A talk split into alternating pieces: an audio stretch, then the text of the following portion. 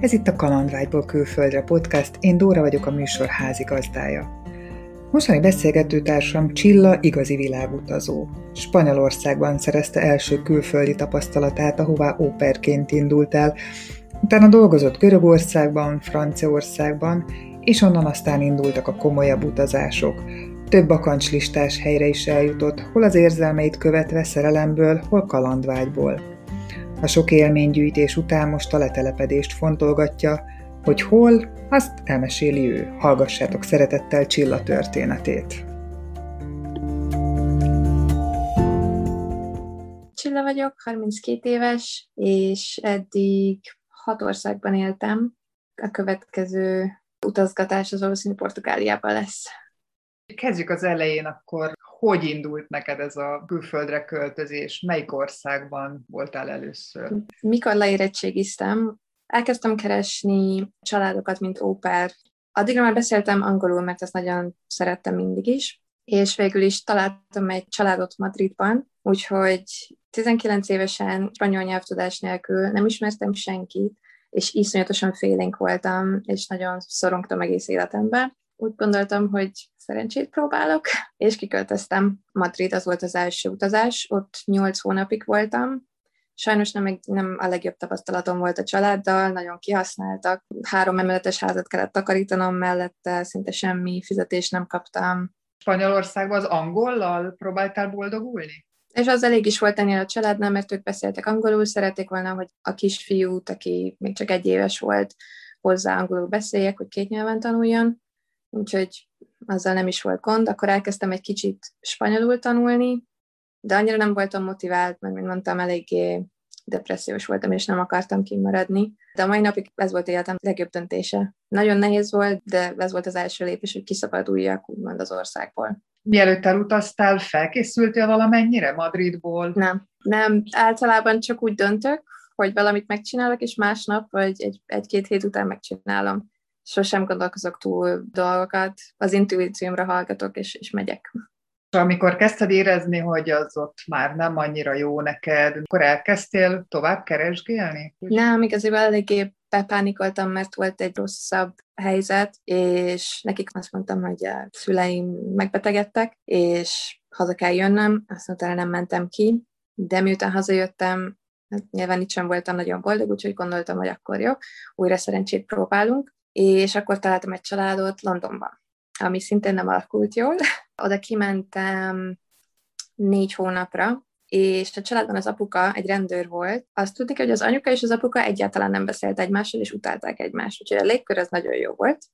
Az anyuka nagyon hihetetlen jó fej volt, elvitt a karnevára Londonba, és nagyon szuper volt, a gyerekek nagyon édesek voltak, viszont az apuka iszonyatosan megijesztett, folyton ivott, nézett be a szobámba tükörből, és négy hónappal később, pont karácsony előtt mondott egy olyat, amit lehet, hogy inkább nem ismételnék meg, de nagyon megjettem tőle, úgyhogy Kikezdett vele? Igen, úgy részegen nyilván újabb hazugság, és azt mondtam nekik, hogy karácsonyra hazajövök, Utána írtam egy e-mailt az anyukának, de nem akartam elmondani, hogy mi történt, mert nem akartam még jobban belkeverni a dolgokba és nem mentem többet vissza. Ezek után megfogadtam, hogy többet óperkedés nem, mert ez nagyon nem jött össze. Aztán ezek után hazajöttem, persze nem tudtam így sem túl sokáig maradni. A mostohapám anyukája felhívott, és azt mondta, hogy hallott valami óperkedésről Spanyolországban, nézem meg valamilyen weboldalt, valami címet, jó lesz az. Na most kiderült, hogy ez animátorkodás volt Görögországban, egy kicsit más, mint amire gondolt, fogalmam sem volt, hogy egy animátor mit csinál, Görögország, miért ne? Kiköltöztem Görögországba. Nem semmi, újabb kaland. Hát az természetesen az sem alakult úgy, ahogy vártam volna. Valamilyen teljesen abszurd döntésem volt, vagy nem is, nem is tudom, ez hogy alakult. Összesen négyen voltunk az animátor csoportban, nagyon kis csapat voltunk, és a csapatvezetővel összeszűrtük a levet, pedig abszolút nem volt a típusom, nem is érdekelt, sőt egy másik csapattag érdekelt az első másodperctől fogva, nem tudom, mi történt, és a srác körülbelül egy hónap múlva, ő holland srác volt, megnyert valamilyen lottót Hollandiában, és 100 ezer eurót nyert. És ezek után, mintha, mintha megőrült volna, semmi nem érdekelte, nyilván neki már nem kell dolgoznia, mert annyi pénze van, és hála az égnek, á, ja, mert ezek után próbáltam szakítani vele, de azt mondta, hogy nem, mert akkor kirúg a csapatból, amit igaziból csak azért nem vállaltam, mert az első két kudarc, vagy nem is tudom, hogy nevezzem utána a Spanyolországba és Angliába, a családomtól azt hallottam, hogy uh, nyilván úgysem fogom ezt sem végigcsinálni. Pedig tényleg nem rajtam múltak ezek a dolgok szerintem. Úgyhogy uh, úgy döntöttem, hogy nem, maradnom kell, nem jöhetek, nem jöhetek el, végig kell csinálnom, de borzalmas volt. De minden úgy alakult, ahogy kellett, kirúgták, és áthelyezték egy másik szigetre. De addigra végre sikerült azzal a csapattársammal összejönnem, akit amúgy is tetszett, aki Párizsból származik. Úgyhogy vége lett a szezonnak, ja, ott még amúgy volt a következő a csapatvezető börtönbe került, az is egy érdekes sztori. Ugye az animátorkodás arról szól, hogy a hotel vendégeivel kvizeket csinálunk, gyerekekkel foglalkozunk, milyen sportokat csinálunk, nagyon erőteljes fizikai munka, és hát rengeteget bulizunk. 21 évesen mi más csinálna az ember, minden nap mentünk a puparékos buliba, az UV buliba, mindenféle bulikba, és utána egy óra alvás után én jogát tanítottam reggel nyolckor. és az egyik ilyen alkalommal elmentünk bulizni, és és az egyik tipikus ilyen klub, ott voltak ilyen őrült bulik, úgyhogy mindig ott kötöttünk ki. És egyik este volt valami, egy tizen, tizenvalahány éves lány, szerintem 16-17 éves lehetett, és a csapatvezető megígérte a, a szüleinek, hogy vigyázzunk rá, menjünk el, eljöhet velünk bulizni, megbízhat bennünk. Elmentünk bulizni, hajnalba valahogy hazaértünk, én meg a barátom nem, addigra még nem aludtunk, és egyszer csak azt hallottuk, hogy egy nagy csaptanás, kiabálás, kirohantunk, és láttuk, hogy a lány rohan egy szál törölközőben a hotel felé. Nem tudjuk, hogy mi történt, a srác iszonyatosan részeg volt, a rendőrség jött, talán 20 perc múlva kopogtak, és egyszerűen nem tudták felébreszteni, annyira mélyen aludt. Aztán egyszer csak, csak sikerült, bevitték a rendőrségre, mi is nyilván mentünk, de nem tudott magáról még akkor sem, úgyhogy a mai napig nem, nem tudjuk, hogy mi történt, de a srác az biztos, hogy börtönbe került utána. Úgyhogy mikor ennek az egésznek vége lett, én hazaköltöztem Magyarországra, az akkori barátom pedig visszament Párizsba, és hát úgy döntöttünk, hogy én is kimegyek Párizsba, de hát nyilván, hogy máshogy tudnék kimenni, mint babysitterként megint. Nem körvonalazódott a fejedbe eddigre valami, hogy mit tanulnál, vagy mi lenne az, amivel komolyabban foglalkoznál? Tanulni sosem akartam tovább, mert ez sosem volt egy erősségem, és, és inkább utazni szerettem volna. Magyarországról most már lehet, hogy kicsit más, nem tudom őszintén, de, de akkor nem lehetett nagyon másképp kijutni. Úgyhogy ha a családod ugye nem tud támogatni, önerőből pénz, hogyha kimé, kimegyünk valahova, azért kell egy egy-két havi kaukció, egy-két hónap, amiből élni lehet. Melyik évről beszélsz? Ez 2010, akkor miután leérettségiztem, ugye két-három évvel utána, utána költöztem ki Párizsba, pláne Franciaország nagyon drága volt már akkor is, úgyhogy ez nem tudom, meddig kellett volna szerintem Magyarországon spórolgatnom, hogy, hogy elég legyen ahhoz, hogy ott valamit keresek, és azt tudtam nagyon, hogy mit.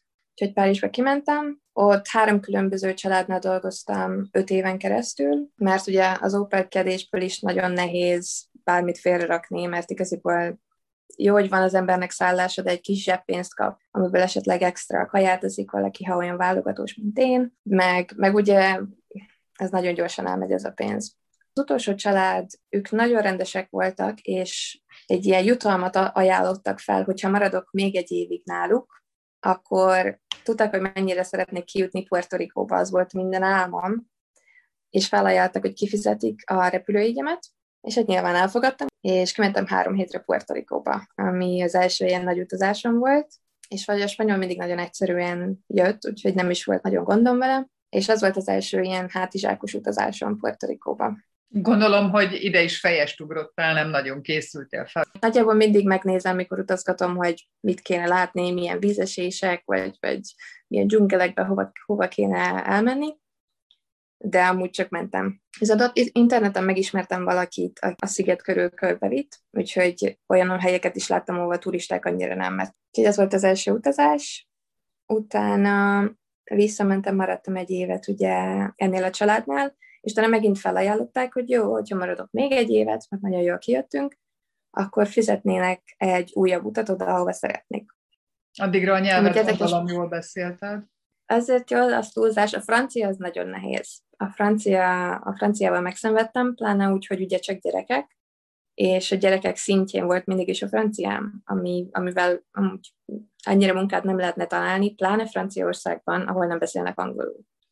És én tanítottam a gyerekek egy kicsit angolra, ők meg engem tanítottak franciára. Franciaországgal kapcsolatban az az érdekes és szomorú, hogy a franciákkal nagyon nem lehet barátkozni. Nagyon-nagyon zártak. Úgyhogy az összes barátom külföldi volt. Az egyik legjobb barátom, akit ott ismertem meg, egy magyar lány volt, akivel a mai napig tartom a kapcsolatot, de franciákkal nagyon nem lehet. Mással sem barátkoznak? Nem, csak franciák franciákkal.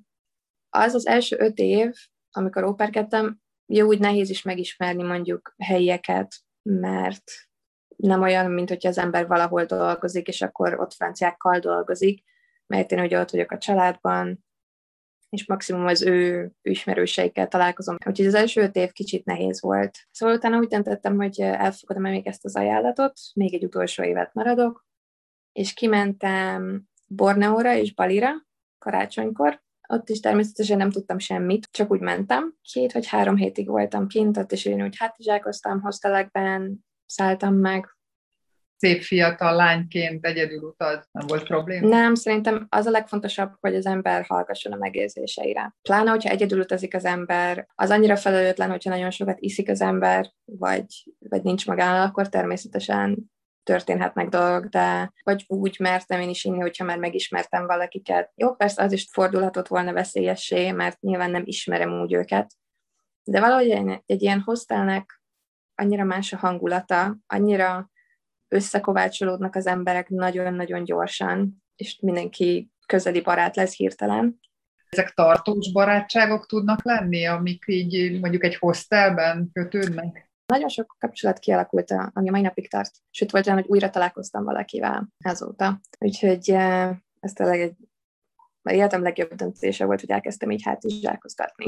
Mikor kint voltam, rájöttem, hogy, hogy elegem van az egészből, nem akarom ezt tovább csinálni, és a, ez a magyar barátnőm pár hónappal ezelőtt leköltözött Nizzába, Franciaországba, ugye Dél-Franciaország a tengerparton, írtam neki egy SMS-t, hogy lemehetek, van egy helyed, úgyhogy 80 euróval a zsebemben leköltöztem Nizzába. Ez mikor volt? Ez most már 7 éve. Itt még kihagytam egy utazást, de nem emlékszem már, hogy ez pontosan hogy jött, de valahogy így a francia óperkedés alatt még voltam Tájföldön és Kambodzsában, ugye így um, hát is elkozni. Utána jött Nizza, leköltöztem Nizzába. Mennyi időre? Egészen mostanáig öt hónapja költöztem el. Közben kiköltöztem még Csillébe. szóval Nica. Nagyon szerencsés voltam, mert két nap alatt találtam egy állást, egy részmunkaidős állást ugyan. Nica nagyon turisztikus és nagyon szezonális, úgyhogy mikor januárban lementem, elég lehetetlen volt bármit is találni, de sikerült. Az én álom helyemen egy kubai pár és étteremben. Mindig is imádtam a latin zenét, táncokat, táncoltam 12 évig, imádok szalszázni, úgyhogy ez az ilyen álommunka volt, de csak részmunkaidős, és időközben, ahol a barátnőm dolgozott, oda beadtam a jelentkezésemet Hard Rock Caféba, és talán két és fél hónap után oda felvettek. Hard Rock Café egy nagyon érdekes hely. 12 magyar dolgozott a Nizai Hard Rock Caféban. Hány fős személyzeted? 130-150 körül. A hádroket ez nemzetközi, talán a franciák voltak a legkevesebben szerintem. A legtöbben a portugálok voltak, a magyarok, később románok, franciák, aztán innen a argentinok is még nagyon sokan jöttek utána később. Úgyhogy elkezdtem ott dolgozni, ott nagyon egyszerű volt, ugye az angol tudás volt a legfontosabb. Utána elég gyorsan tréner lettem, aki betanítja az új pincéreket. Ott voltam két évig, az alatt kiutaztam Brazíliába három hétre, szintén ugyanúgy hátizsákozni, 20-valahány óra utazás után beestem a hostelbe, és volt három csilei fiú, a szobában. Ahogy felkeltünk, elkezdtünk beszélgetni, és úgy hozzájuk csapódtam, sétálni mentünk ide-oda. Nagyon nehezen értettem meg őket, mert a csilei spanyol nagyon más spanyol, mint, mint amit én eddig hallottam. De az egyik őjük nagyon türelmes volt, lassan beszélt, nem annyira a szlengekkel, úgyhogy őt úgy, ahogy megértettem, és hát természetesen ebből is több lett. Az út végén elköszöntünk, ő hamarabb hazament, visszamentek Csillébe, én még utazgattam egy idő, felmentem északra, Észak-Brazíliába, ami uff, annyira gyönyörű volt, hihetetlen. Kb. sivatag mellett volt az óceán, természet miatt mentem, mert gyönyörű, gyönyörű volt a tengerpart, a, mellette a homokdűnék, nem lát mindig ilyet az ember. Úgyhogy, de ott csak ezen a két, nem, ezen a két helyen, meg egy szigetre is átmentem, az még a fiúval, még előtte. És utána elköszöntünk, mentünk a, az útjainkra, én vissza Nidzába, ő Csillébe, ott tartottuk a kapcsolatot egy ideig, közben gyűjtögettem pénzt, és felhozta, hogy miért ne költöznék ki Csillébe. Úgyhogy felmondtam, és kiköltöztem Csillébe. Viszont amit elfelejtett említeni, az az, hogy az anyukája oda költözött időközben hozzá. És ő egy nagyon latina mama, aki iszonyatosan féltékeny a kisfiára, Chile iszonyatosan drága, és nagyon-nagyon kevés a fizetés. Tehát a, a srác például havi 200 euró keresett, és a lakbér az 230 euró volt. Hogyan élnek akkor ott? Hát úgyhogy ugye az anyukájával nyilván ezért költözött össze, meg én is besegítettem, mivel ugye én is ott laktam. Csillében van egy érdekes szokás, úgymond, hogyha valaki az étterembe dolgozik, a, a pincér megkérdezi a vendégtől, hogy mennyi borravalót szeretnél hagyni. Nem úgy, hogy szeretnél-e borravalót, hanem, hanem mennyit. És volt olyan, hogy ilyen napi 5 centtel jött haza egyszerűen semmi, mert nem volt senkinek pénze. Hogyha próbáltunk elmenni ételt vásárolni, a, a kenyér, minden olyan árba volt, mint mondjuk Franciaországban. Egyszerűen iszonyatos árak voltak. Úgyhogy Chiléből is nagyon, nagyon nehéz kijutni, ő is és az összes ismerőse próbált kijutni, hogy összegyűjtenek pénzt, elmennek, mindenféle tervék voltak Ausztráliába, USA-ba, de hát mire összegyűjtenek annyi pénzt, pláne ezekkel a, a vízumokkal, ez lehetetlen. Milyenek a csilaiek? Amúgy nagyon, nagyon felszabadultak, nagyon kedvesek, nagyon közvetlenek, segítőkészek. Nem ismertem túl sok embert, csak őt, meg a két barátját, akit már Brazíliában megismertem, meg az anyukáját, ugye. Úgyhogy olyan két hónap után az anyuka kiakadt, hogy miért ülök folyton otthon. Úgyhogy az éjszakát még ott töltöttem, de másnap szokogva elmentem egy hostelbe, mondtam, hogy én nem lakom ott. Nem állt ki a fiú melletted? Annyira nem. Itt a két hónap alatt egyszer volt egy olyan, hogy ő elment dolgozni biciklivel. És az anyuka jön be a szobámba, és mondta, hogy beszéltél Ariellel? Mert hogy baleset volt. Hogy nem, nem hallottam semmit róla, mi, mi történt, és az anyuka elmondta, és mikor Ariel hazajött, kérdeztem, hogy, hogy, hogy mégis mi történt, nekem egy SMS sem írt, de az anyukáját persze felhívta. Ami ugye Európában kicsit másképp mennek a dolgok, hogyha engem baleset ér, én a barátomat hívom fel először, és utána mondjuk küldök egy SMS-t a szüleimnek. De, de ott ez nagyon nem így van. És egyszerűen nem értette, de hogy, hogy ez miért gond, hiszen az anyukája otthon volt, ő meg elmondta nekem. Én mindig imádtam ezt a ugye más kultúrákból megismerni embereket, de most már annyira nem. Ez túl sok munka, Úgyhogy ha nem eléggé elkötelezett az ember, vagy iszonyatosan nagy a szerelem, szerintem nem érdemes. Mert Európában is vannak nyilván kulturális különbségek, de azért sokkal hasonlóbbak. Na és akkor mi lett Csillután? Már, már akkor is tervezgettem, amikor csak úgy ott voltam, benne volt a, a fejem, hogy mi lenne, hogyha csak egy kicsit elmennék hátizsákozni közben, akkor lehet, hogy nem érezném mennyire depisem magam. Csak úgy körbe mondjuk Bolíviába vagy Argentinába elmennék, és minden nap csak azt nézegettem, hogy hova kéne. Úgyhogy így az utolsó nap után mondtam, hogy jó, akkor veszek egy buszjegyet, és felmentem Észak-Csillébe, az a neve, hogy Atacama. Az egyik része Csillében van, a másik része Bolíviában. Talán még Argentinából is van része, nem vagyok biztos. Úgyhogy elkezdtem észak fele menni és hátizsákozni. Utána átmentem Bolíviába, ez a neve, hogy Salar de Uyuni, egy ilyen uff, ezt magyarul nem tudom, egy tóféleség, ami ki van száradva, és só van az alján. Gyönyörű hexagon alakú, ne, nem is tudom, jelenségek vannak. És az esős időszakban az egészet elönti az eső, és akkor nem tudom, hogy bárki, aki hallgatja, vagy te láttad -e azokat a képeket, amikor valaki sétál, és mintha tükörkép lenne, és megfordítják a kamerát, és akkor olyan, mint a fejjel lefelé sétálna.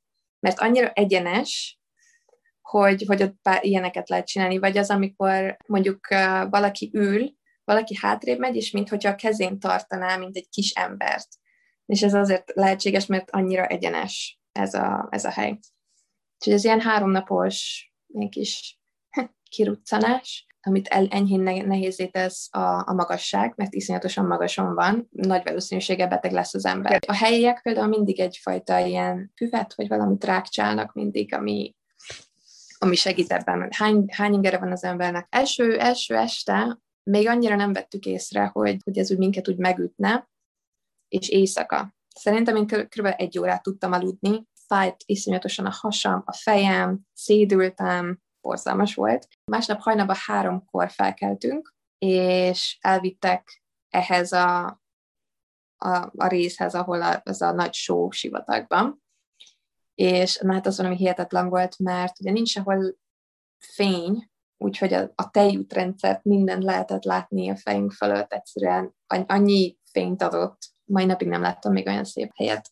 Szóval ott végigmentünk, folytattam tovább az utamat fővárosba, utána egy tóhoz mentem, ez a tó félig már Peruban van, félig még Bolíviában, és arra fele kell menni, hogy elmenjen az ember Machu Picchuhoz.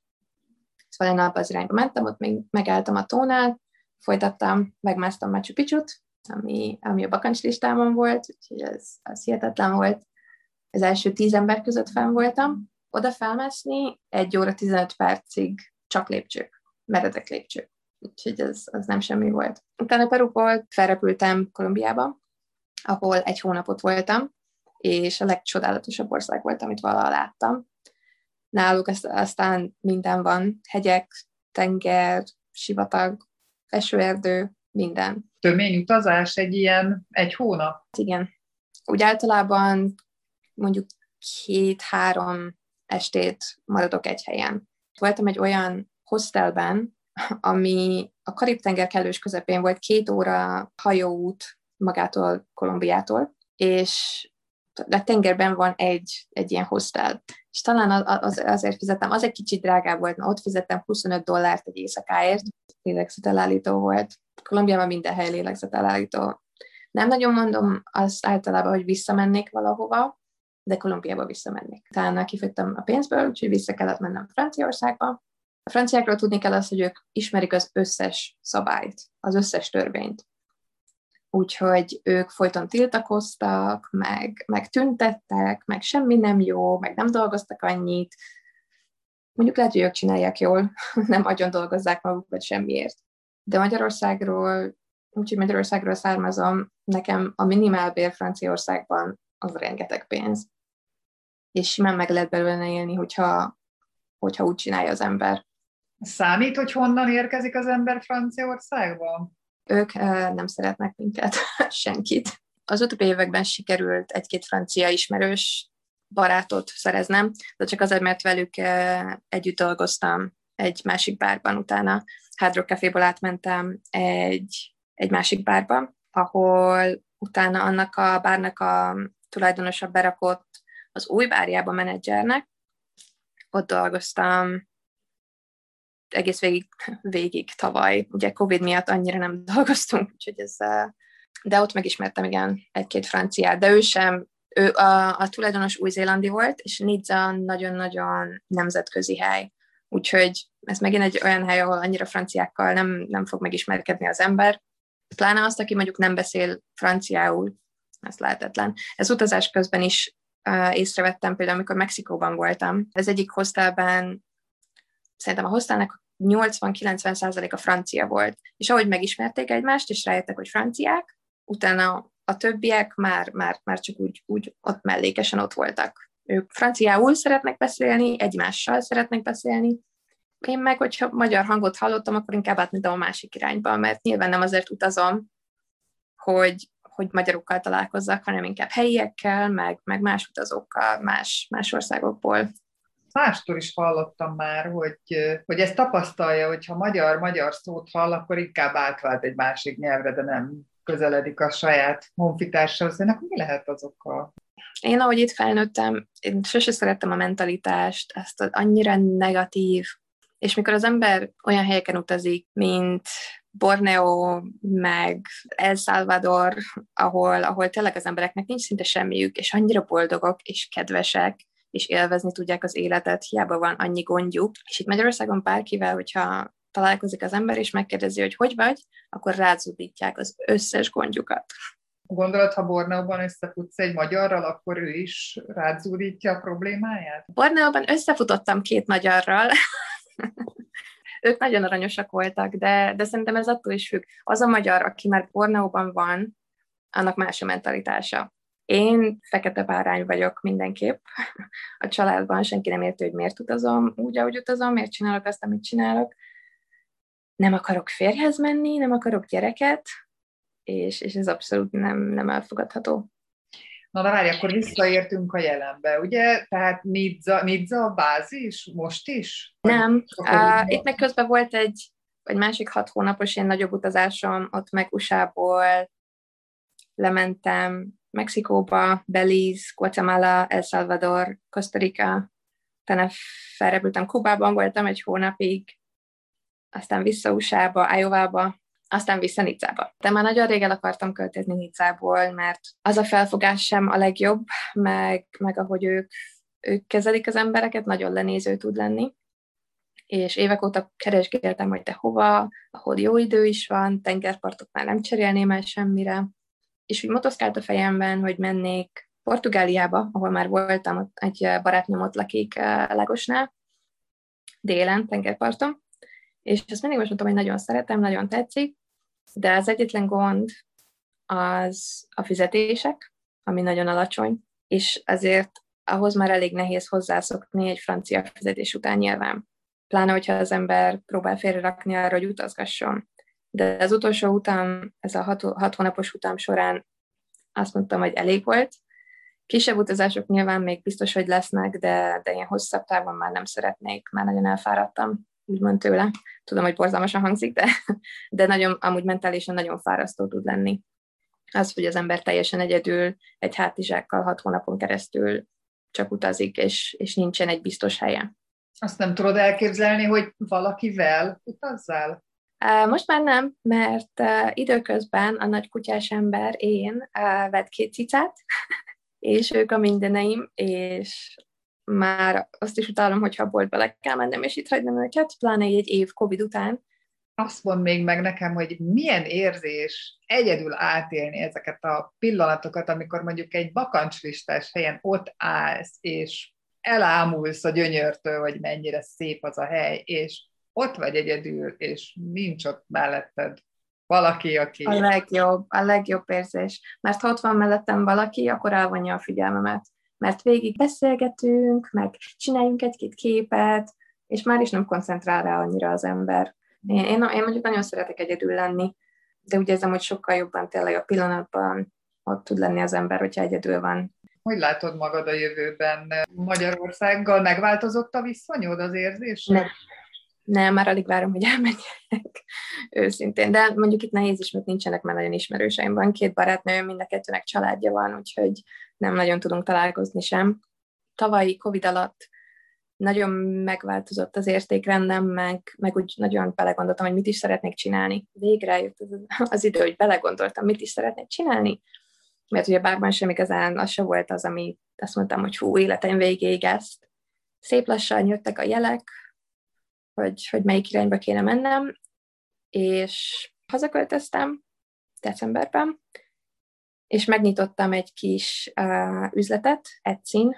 Körülbelül olyan, mint Amazon mondjuk, csak uh, kis egyedülálló emberek kézzel készített dolgok. Úgyhogy elkezdtem uh, kis uh, ékszereket csinálni, nyakláncokat, karkötőket, kristályokat eladni, és most negyedik hónapja csinálom, és egyszerűen hihetetlen imádom. Sokkal többet dolgozom, mint mondjuk a bárban dolgoztam, pedig ott is rengeteget dolgoztam, de imádom, nagyon boldogát ez, nagyon jó visszajelzéseket kapok, iszonyatosan sokan, nekem legalábbis sokan vásároltak már tőlem, ami, ami hihetetlen, úgyhogy...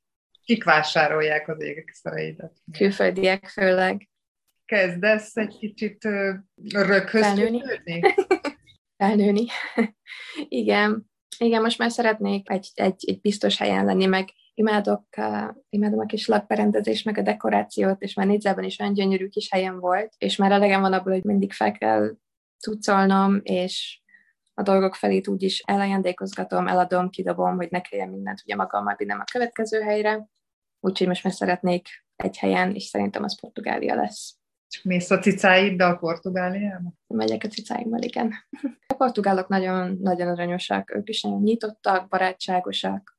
Ráadásul ahol megyek, kb. Nizza, Pepitában, ott is nagyon nemzetközi, rengetegen mennek oda, akár ilyen nyári szezonra dolgozni, vagy, vagy leköltöznek, ki ne akarna ott lakni. Én imádom a portugálokat, úgyhogy ott nem lesz gond. Igen, beszélsz egy csomó nyelvet, gondolom az is rád fog ragadni. Azt már most tanulom, de és nagyon, nagyon egyszerűen megy. Mondjuk, mivel Duolingo-val tanulom, ott brazil, portugál, úgyhogy én ezek a magyar lány braziliai akcentussal, de nem baj. Spanyolból is mindenféle latin-amerikai akcentusom van most már, úgyhogy mindig azt mondtam, hogy az ötödik nyelv, az utolsó, amit megtanulok, az, az maximum portugál lesz, és be is jött. De ez nagyon érdekes, mert most látom először, vagy most mondod azt, hogy készülsz. Tehát az, hogy a nyelvet tanulod, az azt jelenti, hogy készülsz tudatosan arra, hogy nem mész is oda kikölt. Igen, hát felnőttem én is lehet.